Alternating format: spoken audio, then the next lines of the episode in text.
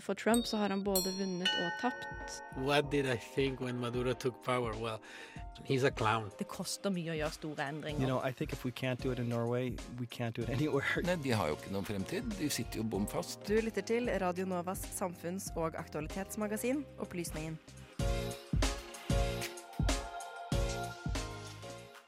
2019 nærmer seg slutten.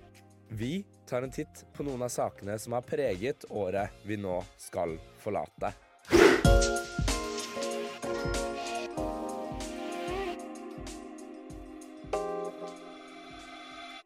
God morgen, god morgen, god morgen.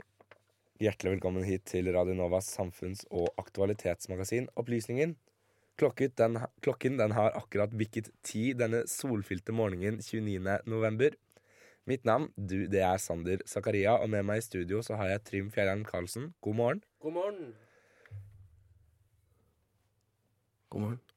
Der, ja. Eh, I dag så er det en litt annerledes sending. Fordi vi begynner å nærme oss slutten av 2019. Derfor ønsker vi å ta et gjenhør med noen av sakene som har formet 2019. Vi har gravd ut i arkivene og funnet fem saker vi mener har betydd noe for akkurat dette året. Og Trym, hvilken sak er det du mener har hatt en stor betydning for 2019? Eh, Jeg mener Hongkong-saken har vært utrolig viktig, og vi ser jo konsekvensene med all, tanken på alle disse opprørene ute i verden. Det tror jeg stammer fra Hongkong-opprøret, og det er kanskje et av de største hendelsene fra 2019, vil jeg påstå. Ja, jeg er helt enig med deg der. Og så syns jeg også brexit har vært en viktig sak for 2019. Det har vært en eh, mildt sagt het potet. Men eh, vi skal innom både Hongkong og brexit. Men først skal vi vende blikket mot Sør-Amerika, Trym. Ja, det stemmer, for Venezuela det er et av de landene i verden med flest oljereserver. Men det er allikevel ikke et veldig rikt land. Og av dette forsøker mange land å påvirke og få innflytelse i Venezuela. I landet er det i dag en stor intern konflikt om hvem som er president i landet.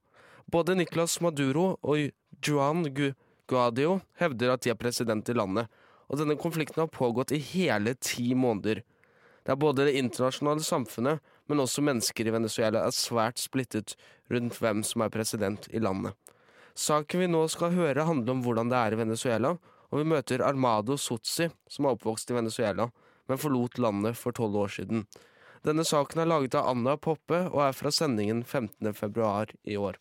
By the end of the day, in restaurants, you can see queues in the back of the restaurant, people fighting each other for the bags of trash. And this is insane. I've never seen this in any other country. Never in my life. People eating from the trash, fighting about it. Armando Sotzi er 35 år gammel. Han dro ifra Venezuela for tolv år siden, og i løpet av den tiden han har vært borte ifra landet, har det endret seg dramatisk. It's not the same place I was growing up. You see people, they are worried. You see that it's about money. Everything it's about money and about food. You know, it's it's a critical thing. It's a critical situation. Armando har vokst opp i Caracas, som er Venezuelas hovedstad.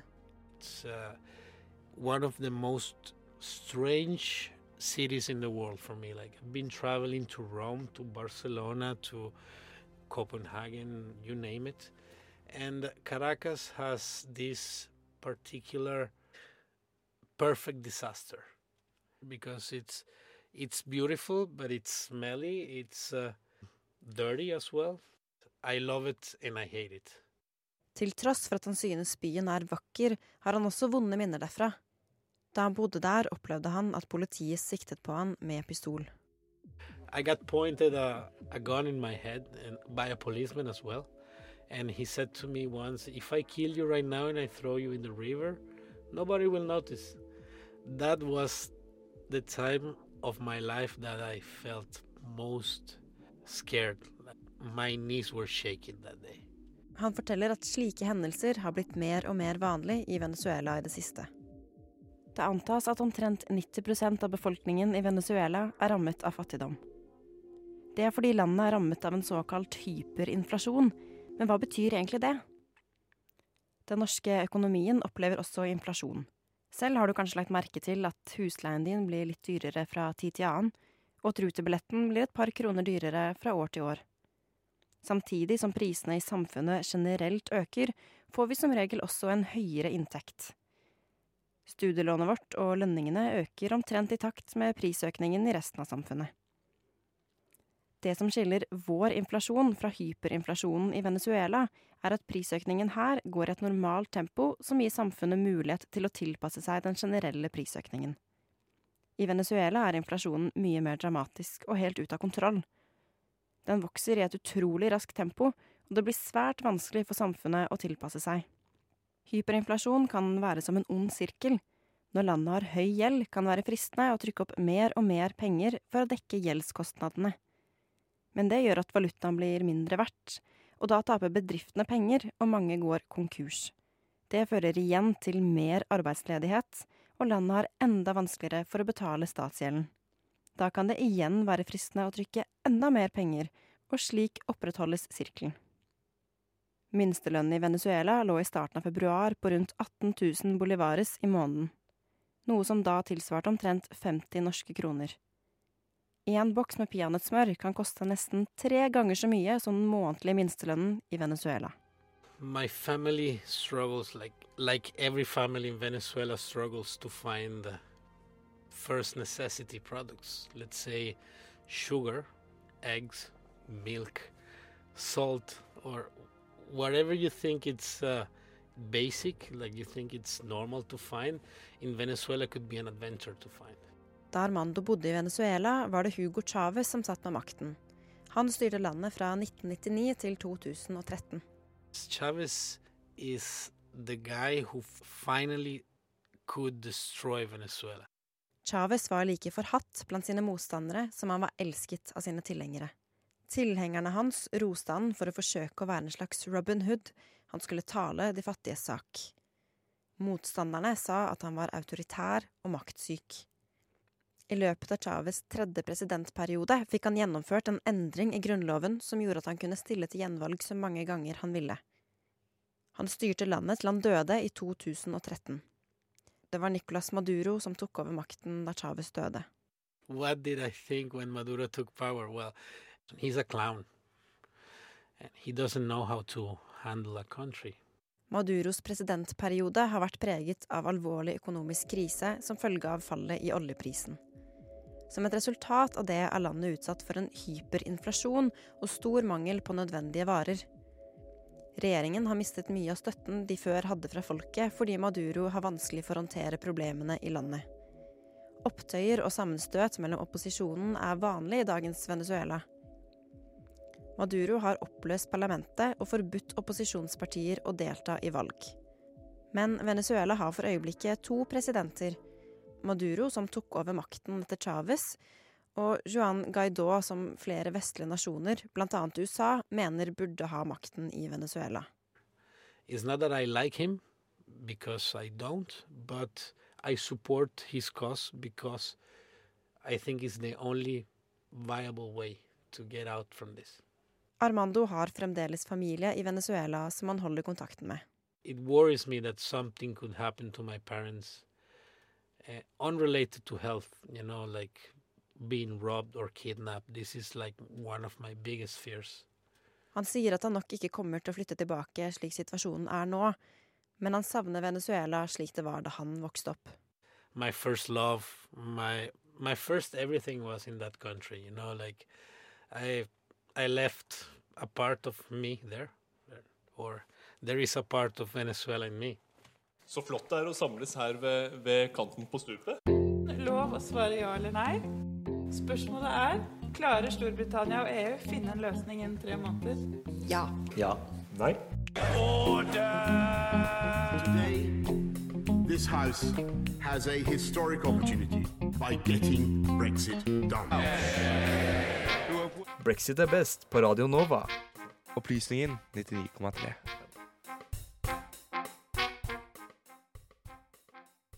Som vi hørte der, så har brexit uten tvil hatt noe å si for året 2019. Storbritannia de skulle egentlig vært ute av EU 29. mars. Men akkurat nå ligger det ikke an til at, EU, at britene skal ut før 31. januar. noe også flere eksperter slår tvil om. Samtidig som de om to uker skal ha et nyvalg i Storbritannia. Vi har hatt mange saker om brexit i år, men vi kunne tross alt bare velge én. I innslaget vi nå skal få høre, har Mathilde Israelsen tatt for seg det som har skjedd i brexit-land siden april i år. Denne saken ble opprinnelig sendt 1. november.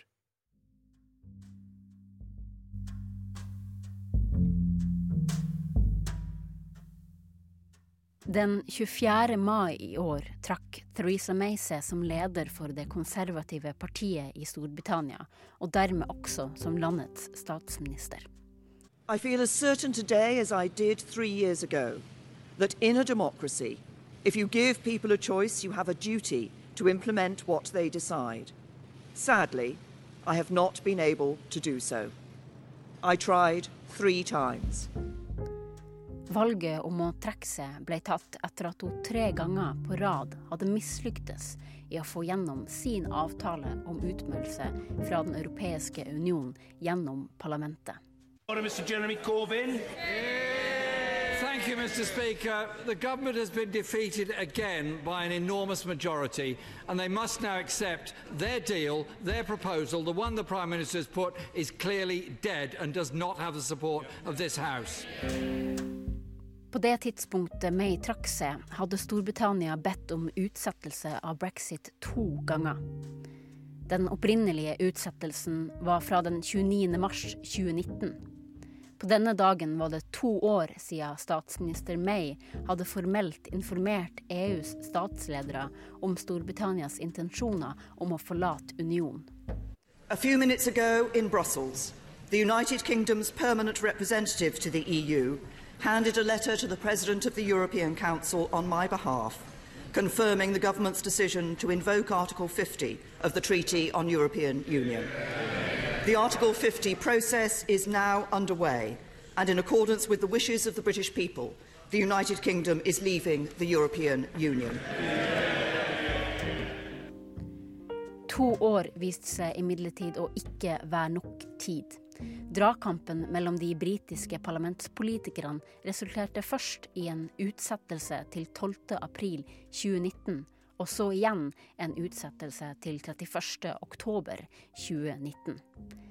Den ekstra tida har imidlertid ikke gjort prosessen enklere. Etter at May trakk seg, ble det avholdt valg på en ny leder av det konservative partiet, der Boris Johnson til slutt sto igjen som vinner. Johnson har i mange år vært en svært kontroversiell figur, og det faktum at det bare var medlemmer av det konservative partiet som fikk stemme han frem som statsminister, forsterka hans kontroversielle posisjon. Og om brexit-prosessen var kaotisk fra før, bidro ikke Johnson til å rydde opp i dette kaoset.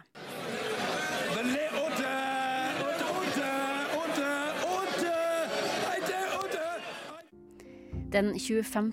august kunngjorde statsministeren at han ønska å suspendere parlamentet i fem uker. Forargede motstandere de reagerte sterkt og omtalte forslaget om suspensjon som en knebling av de folkevalgte. Johnson forsøkte med dette å stanse et forsøk på å hindre at Storbritannia gikk ut av EU den 31. oktober uten en avtale, og ba derfor dronninga om å stenge parlamentet i fem uker. Britisk høyesterett fastslo imidlertid at suspenderinga av parlamentet var lovstridig. Justitiarius Lady Brenda Hale leste dette opp fra Høyesteretts konklusjon. The court is bound to conclude, therefore, that the decision to advise Her Majesty to prorogue Parliament was unlawful because it had the effect of frustrating or preventing the ability of Parliament to carry out its constitutional functions without reasonable justification. Johnson uttalte i etterkant at han respekterte Høyesteretts avgjørelse, men at han var svært uenig i rettens konklusjon. Yes, obviously, this is a verdict that uh, we will respect, and uh, we respect the judicial process. I have to say, I strongly disagree uh, with what the justices have found. Den 17. oktober ble de britiske myndighetene og Det europeiske råd enige om en revidert versjon av Theresa Mays opprinnelige avtale. Den nye avtalen fokuserte på Nord-Irlands fremtid, som har vært et av de mest kontroversielle temaene i utmeldelsesprosessen. Oppsummert gikk avtalen ut på at yttergrensene for EUs tollunion skal gå i det nordirske havet, altså mellom Skottland og Nord-Irland, og ikke på grensa mellom Nord-Irland og Irland. Dette betyr i praksis at selv om Nord-Irland vil gå ut av unionen sammen med Storbritannia, vil EUs yttergrense bli trukket mellom Skottland og Irland. Johnson lyktes imidlertid ikke med å få sin avtale gjennom parlamentet, da representantene skulle stemme over avtalen lørdag 19. oktober. wish the House to know that I'm uh, not daunted or dismayed by this particular result, and uh, I think it probably it probably became likely once it was obvious that the amendment from the uh, my my right honourable friend, uh, the member for West Dorset, was going to remain uh, on the order paper. I, I continue in the very strong belief that the best thing for the UK and for the whole of Europe is for us to leave with this new deal on October the 31st. I stedet ble den såkalte Letwin Amendment vedtatt i Underhuset. Endringsforslaget, som ble fremma av sir Oliver Letwin, ville forhindre at Johnsons avtale med EU ble vedtatt i parlamentet før et lovverk som muliggjør å faktisk gjennomføre denne avtalen, kalt The EU Withdrawal Bill, ble vedtatt i parlamentet. Vedtaket av Letwin Amendment gjorde at den såkalte Ben Act, også kalt EU Withdrawal Act, automatisk ble vedtatt. Denne loven påla Boris Johnson og hans regjering om å be EU om en ytterligere utsettelse av brexit til 31.1.2020. Hovedformålet med Benact var å forhindre at myndighetene tok Storbritannia ut av EU den 31. oktober uten en avtale. To av forutsetningene i loven var at myndighetene enten måtte ha sikra et vedtak for Johnsons avtale i parlamentet, eller oppnå godkjenning fra parlamentet om å forlate unionen uten en avtale innen lørdag 19. oktober. Dersom disse forutsetningene ikke ble møtt, ble statsministeren automatisk pålagt å be om en utsettelse. Johnson nekta i utgangspunktet å gjøre dette. Han sa at en ytterligere utvidelse av fristen for utmeldelse ville skade Storbritannias rykte og renommé. Men han gikk til slutt med på å be EU om en utsettelse. Dette ble gjort gjennom tre ulike brev. Det første var et formelt brev som ba EU om en utsettelse. Så ble det sendt et nytt brev, der Storbritannias representant til EU, Tim Barrow, understrekte at det første brevet var sendt fra det britiske parlamentet, og ikke de britiske myndighetene. Det tredje brevet var fra Boris Johnson sjøl, som understrekte hans sterke motstand mot en utsettelse, og ba innstendig om at EU ikke skulle gå med på parlamentets ønske om å utsette brexit til 31.1.2020. Johnsons motstand mot denne utsettelsen kan ligge i at han har lagt høy prestisje i å få Storbritannia ut av EU innen 31. Om Johnson skal få muligheten til å ta Storbritannia ut av EU, er nå usikkert. Etter mye om og men har parlamentet kommet fram til at det skal holdes nyvalg den 12. desember i år. There is only one way to get Brexit done in face of this unrelenting parliamentary obstructionism.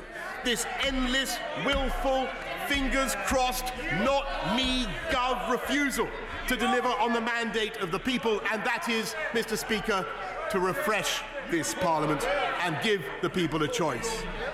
Det gjenstår dermed å se om det er Johnson og de konservative som sitter ved spakene etter den 12. Du hører på Radio Novas samfunns- og aktualitetsmagasin Opplysningen. Opplysningen hver fredag mellom klokken 10 og 11 på Radio Nova.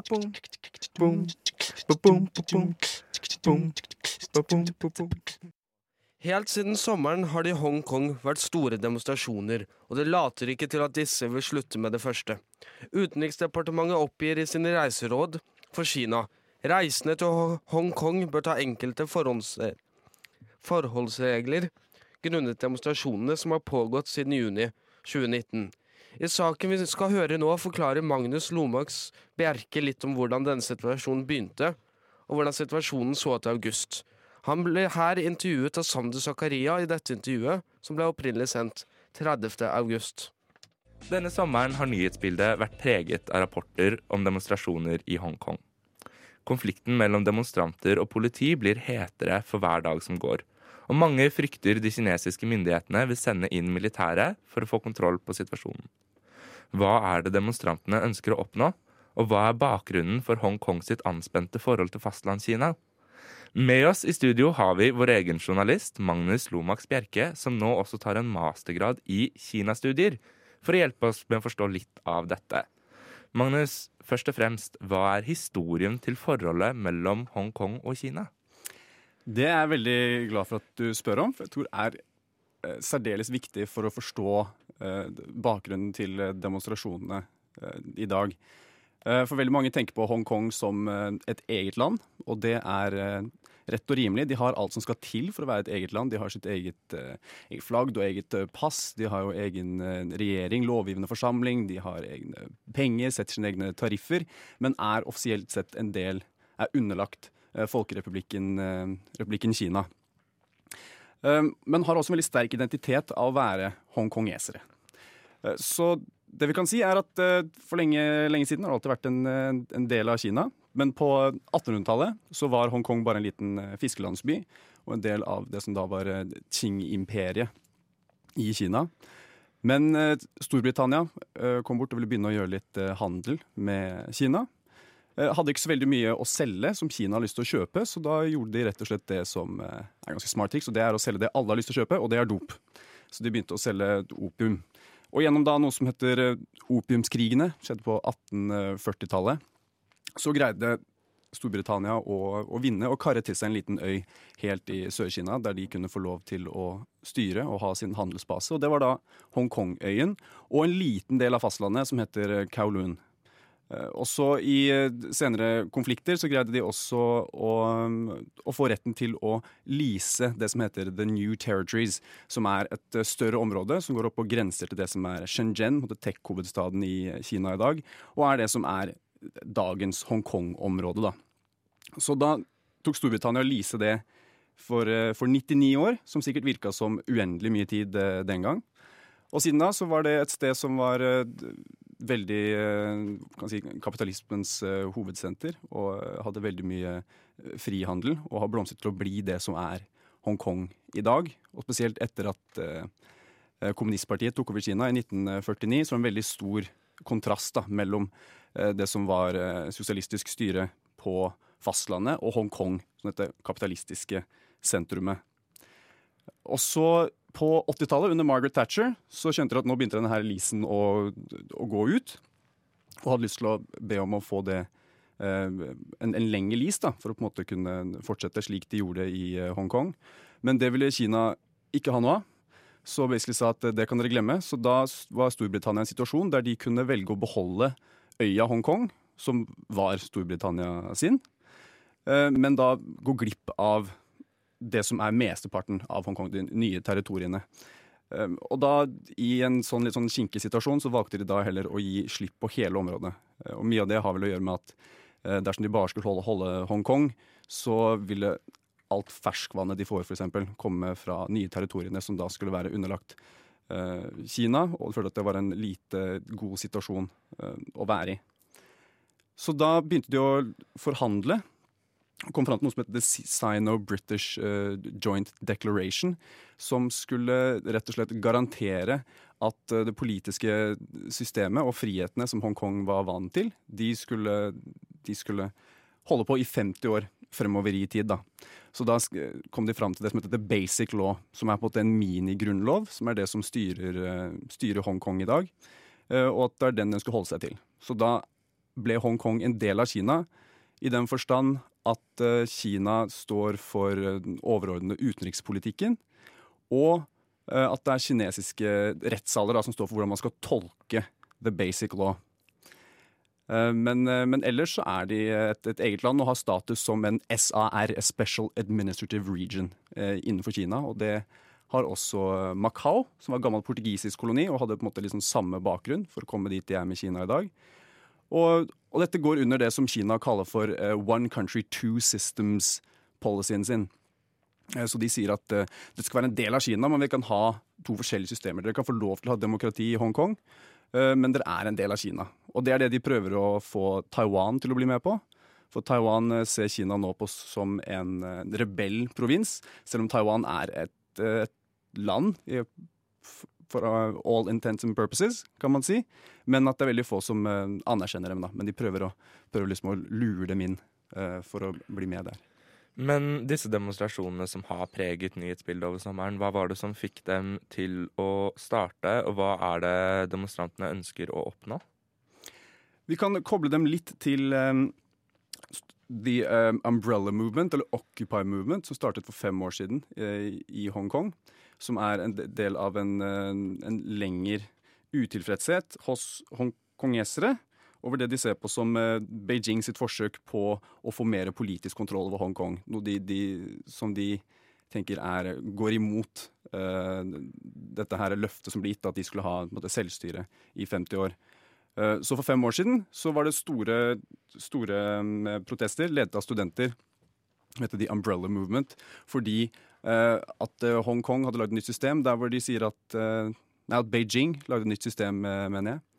Der de sa at eh, hongkongesere får lov til å eh, stemme på sine folkevalgte, men kun av en pool med mennesker som allerede har blitt godkjent av Beijing. Så har, det er på en måte ikke fritt valg. Kandidatene har allerede blitt eh, bestemt. da. Eh, Og det er eh, fortsatt tilfellet i dag, for de fikk ikke full gjennomslagskraft forrige gang. Så det er en del av det som eh, er- skjer med demonstrasjonene i dag også. Men det som startet det hele, er eh, ganske interessant. Og det starta første protestene var vel i eh, april-mai-tider. Og det var fordi at du hadde et hongkongesisk par som hadde vært på ferie i Taiwan. Der hvor mannen angivelig drepte kona si. Men så flyktet tilbake til, til Hongkong. Og slik reglene er i dag, så, så har ikke Hongkong noen avtale, utleveringsavtale med veldig mange land som sier at om du er dømt for noe i et annet land, eller eh, påtalt for noe, så kan ikke du bli sendt i dette tilfellet tilbake til Taiwan for å bli stilt for retten. Så dette er et tilfelle hvor da sjefen i Hongkong, Carrie Lam, hadde fått eh, veldig mye la oss si, klager fra, fra Taiwan. eh, som, eh, som satte press på henne om at de burde ha en sånn avtale. Så Da skrev de en ganske rask, eh, rask lov som skulle få dette til å skje. Men mange har tolket den loven på den måten at dette gir da Folkerepublikken Kina muligheten til å få utlevert folk i Hongkong til Kina for å bli stilt for retten. Og det man er redd for da, er at eh, det gir et smutthull for Beijing til å få folk som er kritiske av eh, regimet i Beijing i Hongkong, til å bli utlevert, eller folk som bare er for mer demokratiske rettigheter. Og det er et problem, fordi rettssystemet i Kina er eh, grusomt eh, effektivt. De har 99 eh, dømsrate, og man har ikke noen garanti for at det går for seg på en forsvarlig måte, som folk i Hongkong forventer. da. Så dette startet protestene, som har hoppa gjennom hele sommeren, og de ble større og større. På et visst punkt så hadde du to millioner mennesker ute, utenpå gata. Så det er en fjerdedel av hele Hongkong sin befolkning. Um, men det har da ja, blitt eh, gått litt, litt over stokk og stein da, utover sommeren. Men hvordan reagerer Kina på eh, disse protestene? Kina reagerer ikke veldig bra, eller spørs litt. Noen eh, hadde forventet at de skulle være enda mer eh, harde på det, eh, og hinter da til eh, f.eks. Tiananmen-massakren i 1989, der hvor Kina sendte inn militæret for å slå ned på studentopptøyer. Um, Men det har vært politiet politi i Hongkong og protestantene som har vært eh, der det har stått eh, hardest. Eh, Veldig mange mener at store deler av politiet er veldig lojale til, eh, til Beijing. Um, Og så har du hatt veldig mye eh, voldsepisoder Men igjen, det er, det er, eh, noen rapporterer om at dette her er, eh, er gangstere som har blitt leid av, eh, av Beijing. Andre sida sier kanskje dette her er bare en, en, en liten gjeng mennesker som driver og, og, og skaper kaos eh, på, på andre siden igjen. Så det er, veldig, eh, det er veldig lite tydelig nå. Men det vi vet, er at det har vært veldig, veldig store eh, fredelige eh, demonstrasjoner. Men akkurat i dag så rapporterte faktisk South China Morning Post at det har vært eh, kinesiske tropper på grensen til Hongkong som er bygd opp over lengre tid, som nå har flyttet seg inn i Hongkong. Eh, Så det, det ser ut til at det er, det potensialet for at militæret blir, eh, blir involvert. Og eh, lederne av Occupy Movement for fem år siden ble også i dag, tror jeg, eller i går, arrestert. Og grunnlaget for det var vel at de har oppfordret til, til om, ikke, om ikke vold, så bare oppfordret til kaos, eller noe, noe lignende som det. Fordi det skal være protester planlagt i morgen som, eh, for å feire jubileet da, til, disse, til Occupy Movement for fem år siden. Yes, Magnus, tusen takk for at du kom innom hit og forklarte litt mer om situasjonen i Hongkong. As much as it's been 20 years since apartheid, like blacks have been freed, not much is like has changed. Så her er det jo helt klart at regjeringen ikke leverer faktisk på at Norge skal bli det beste landet i verden for skeive. Chavez is the guy who finally could destroy Venezuela. Opplysningen hver fredag mellom klokken 10 og 11 på Radio Nova.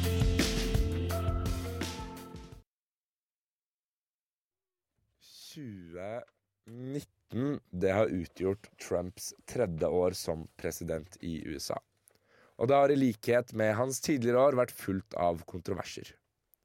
I juli i år hadde Trump en telefonsamtale med Ukrainas president Voldemir Zelenskyj, der han ba, USA, nei, der han ba Ukrai Ukraina etterforske demokraten Joe Biden og hans sønn Hunter, som hadde sittet i styret i et ukrainsk gasselskap. Nå risikerer Trump å bli stilt for riksrett. Sebastian Hagel har tatt en titt på akkurat dette i dette innslaget som opprinnelig ble sendt 22. november.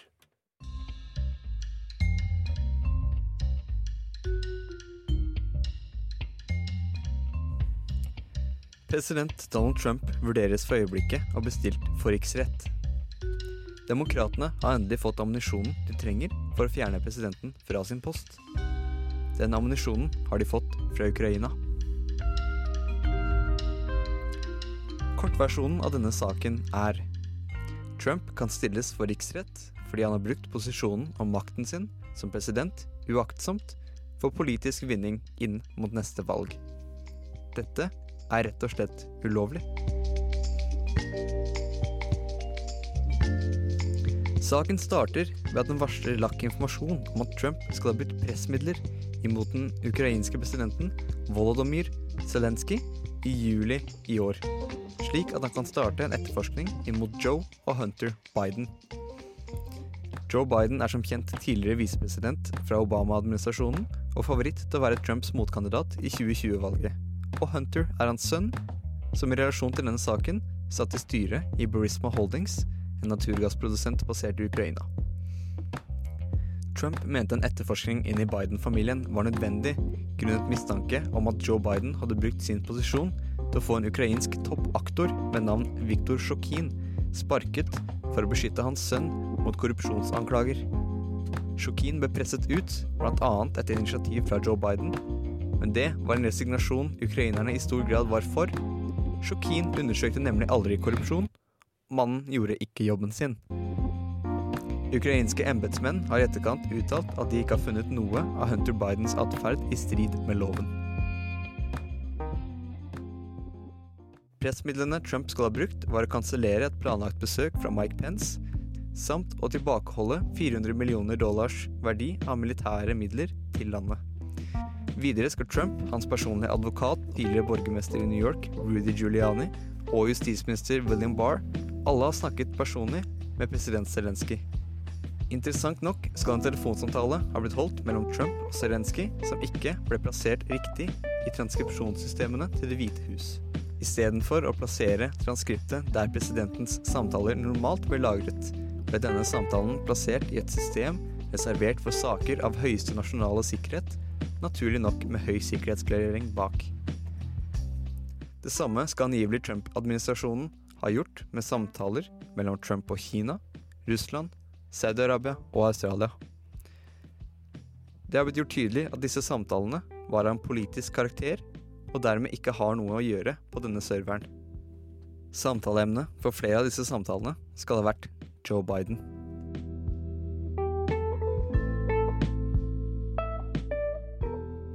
The Federal Election Commission, en amerikansk institusjon som ser over ordentlig opprettholdelse av finanslovene i henhold til valgkamper, og deres leder, Ellen Weintraub, sa It is illegal for any person to solicit, accept or receive anything of value from a foreign national in connection with a US election. Trump har altså brutt valgloven og brukt presidentmakten sin for å gjøre det.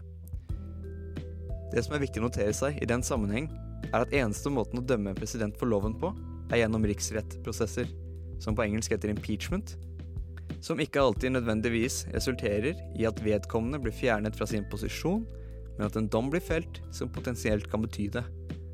Av de to presidentene gjennom historien som har blitt dømt i riksretten, ble ingen av de fjernet fra sin posisjon. Bill Clinton fikk f.eks. sitte helt i 2001, selv om han ble dømt for riksrett i 1998. Dersom Trump blir for riksrett, er det ikke sikkert dette har noen konsekvenser for hans nåværende presidentperiode, da den allerede er over i 2020. Men det kan bety noe for hans deltakelse i det neste valget.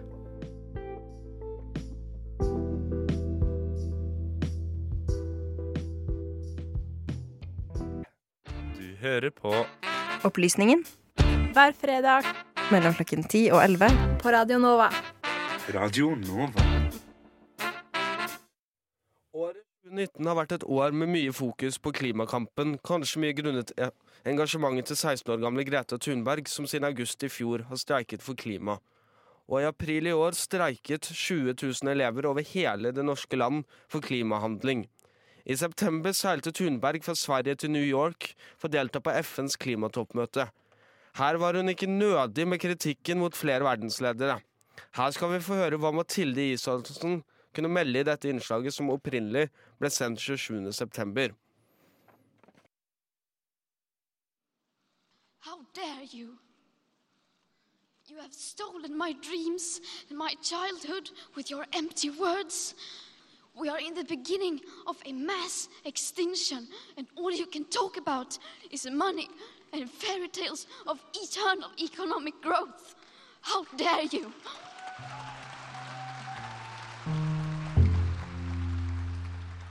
Dette sa den svenske klimaaktivisten Greta Thunberg til FNs generalforsamling under denne ukas klimatoppmøte i New York. Med sin skolestreik for klimaet har hun starta en global ungdomsbevegelse som krever at verdenslederne iverksetter dyptgående tiltak for å stanse klimaendringene. For å sende et tydelig signal til verdenslederne som var samla på klimatoppmøtet, ble det arrangert en stor klimastreik forrige fredag, der også Thunberg deltok. Titusenvis deltok i demonstrasjonen i New York, en demonstrasjon som også hadde en internasjonal rekkevidde. I 185 land over hele verden streika skoleelever med krav om kutt i utslipp og tiltak for å stabilisere klimaet. Med henvisning til den internasjonale klimastreiken fastslo Thunberg at verdens ungdommer våkna opp, og at endring vil finne sted. Hun hadde ei klar melding til representantene som var samla i New York. I forkant av toppmøtet uttalte FNs generalsekretær Antonio Guterres at han ønska å høre konkrete planer for klimahandling fra verdens statsledere, ikke pene formuleringer og tomme løfter. I 2018 nådde klimautslippet et rekordhøyt nivå, til tross for advarsler fra FNs klimapanel om at verdenssamfunnet bare har rundt ti år på å senke utslippsnivået og stabilisere klimaet. Guterres oppfordra derfor representantene for de ulike statene til å legge frem planer for skjerpede klimatiltak i deres hjemland. From the beginning, I said the ticket to entry is not a beautiful speech, but concrete action. And you are here with commitments. Representanter fra en rekke stater forplikta seg derfor til å iverksette skjerpede tiltak for å senke utslippsnivået. Blant annet kunngjorde Frankrike at landet ikke vil inngå handelsavtaler med stater som fører en klimapolitikk i strid med målene fra Parisavtalen fra 2015. Et sentralt mål i denne avtalen er å begrense den gjennomsnittlige globale temperaturøkninga til 1,5 grader sammenligna med førindustriell tid. Tyskland forplikta seg til å være karbonnøytral innen 2050, og Kina, som står for rundt 28% av utslippet av drivhusgasser på verdensbasis, fastslo at de vil kutte utslippet med 12 milliarder tonn årlig. I tillegg forplikta en rekke land seg til å utfase bruk av fossilt brensel, forby utvinning av olje og gass på deres landområder, samt utfase kull som en energikilde. Alle observatørene var imidlertid ikke helt fornøyd med målene statene har satt seg. European Climate Foundation, en organisasjon som har som mål å redusere Europas totale klimautslipp, beskrev toppmøtet som en skikkelig nedtur. Organisasjonen omtalte statsledernes ambisjoner som for lav for å nå klimamål satt av statene, deriblant målene fra Parisavtalen. Thunberg på sin side var klar i sin tale til generalforsamlinga om hvilke ambisjoner statslederne burde ha. Hun kritiserte generalforsamlinga for ikke å innse hvilke store utfordringer verden står overfor, og for ikke å iverksette tiltak som tilsvarer disse utfordringene. Thunberg argumenterte for at statslederne burde presentere enda tydeligere klimamål for å forhindre svært alvorlige konsekvenser fra klimaendringer, og var svært krass i sin kritikk mot representantene som var samla i New York denne uka. The eyes of all future generations are upon you. And if you choose to fail us, I say we will never forgive you.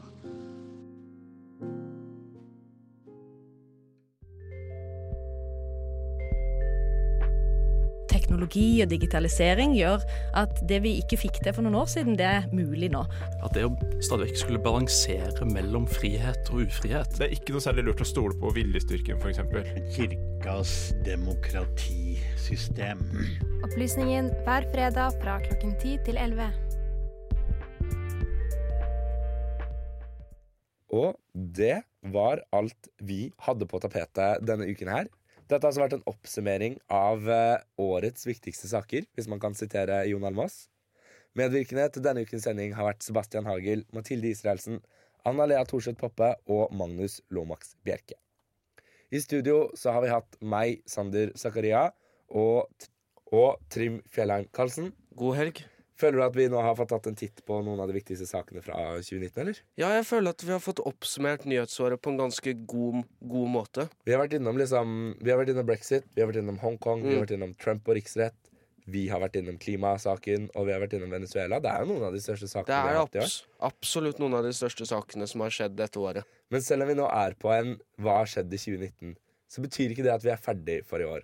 Opplysningen, Vi er tilbake neste fredag fra 10 til 11 med en ny sending der vi skal se på de positive sakene i 2019. Følg opplysningen på sosiale medier. Hør på Studentnyhetene som kommer etter oss, og last ned podkasten der du ellers laster ned podkaster. Ha en fin helg.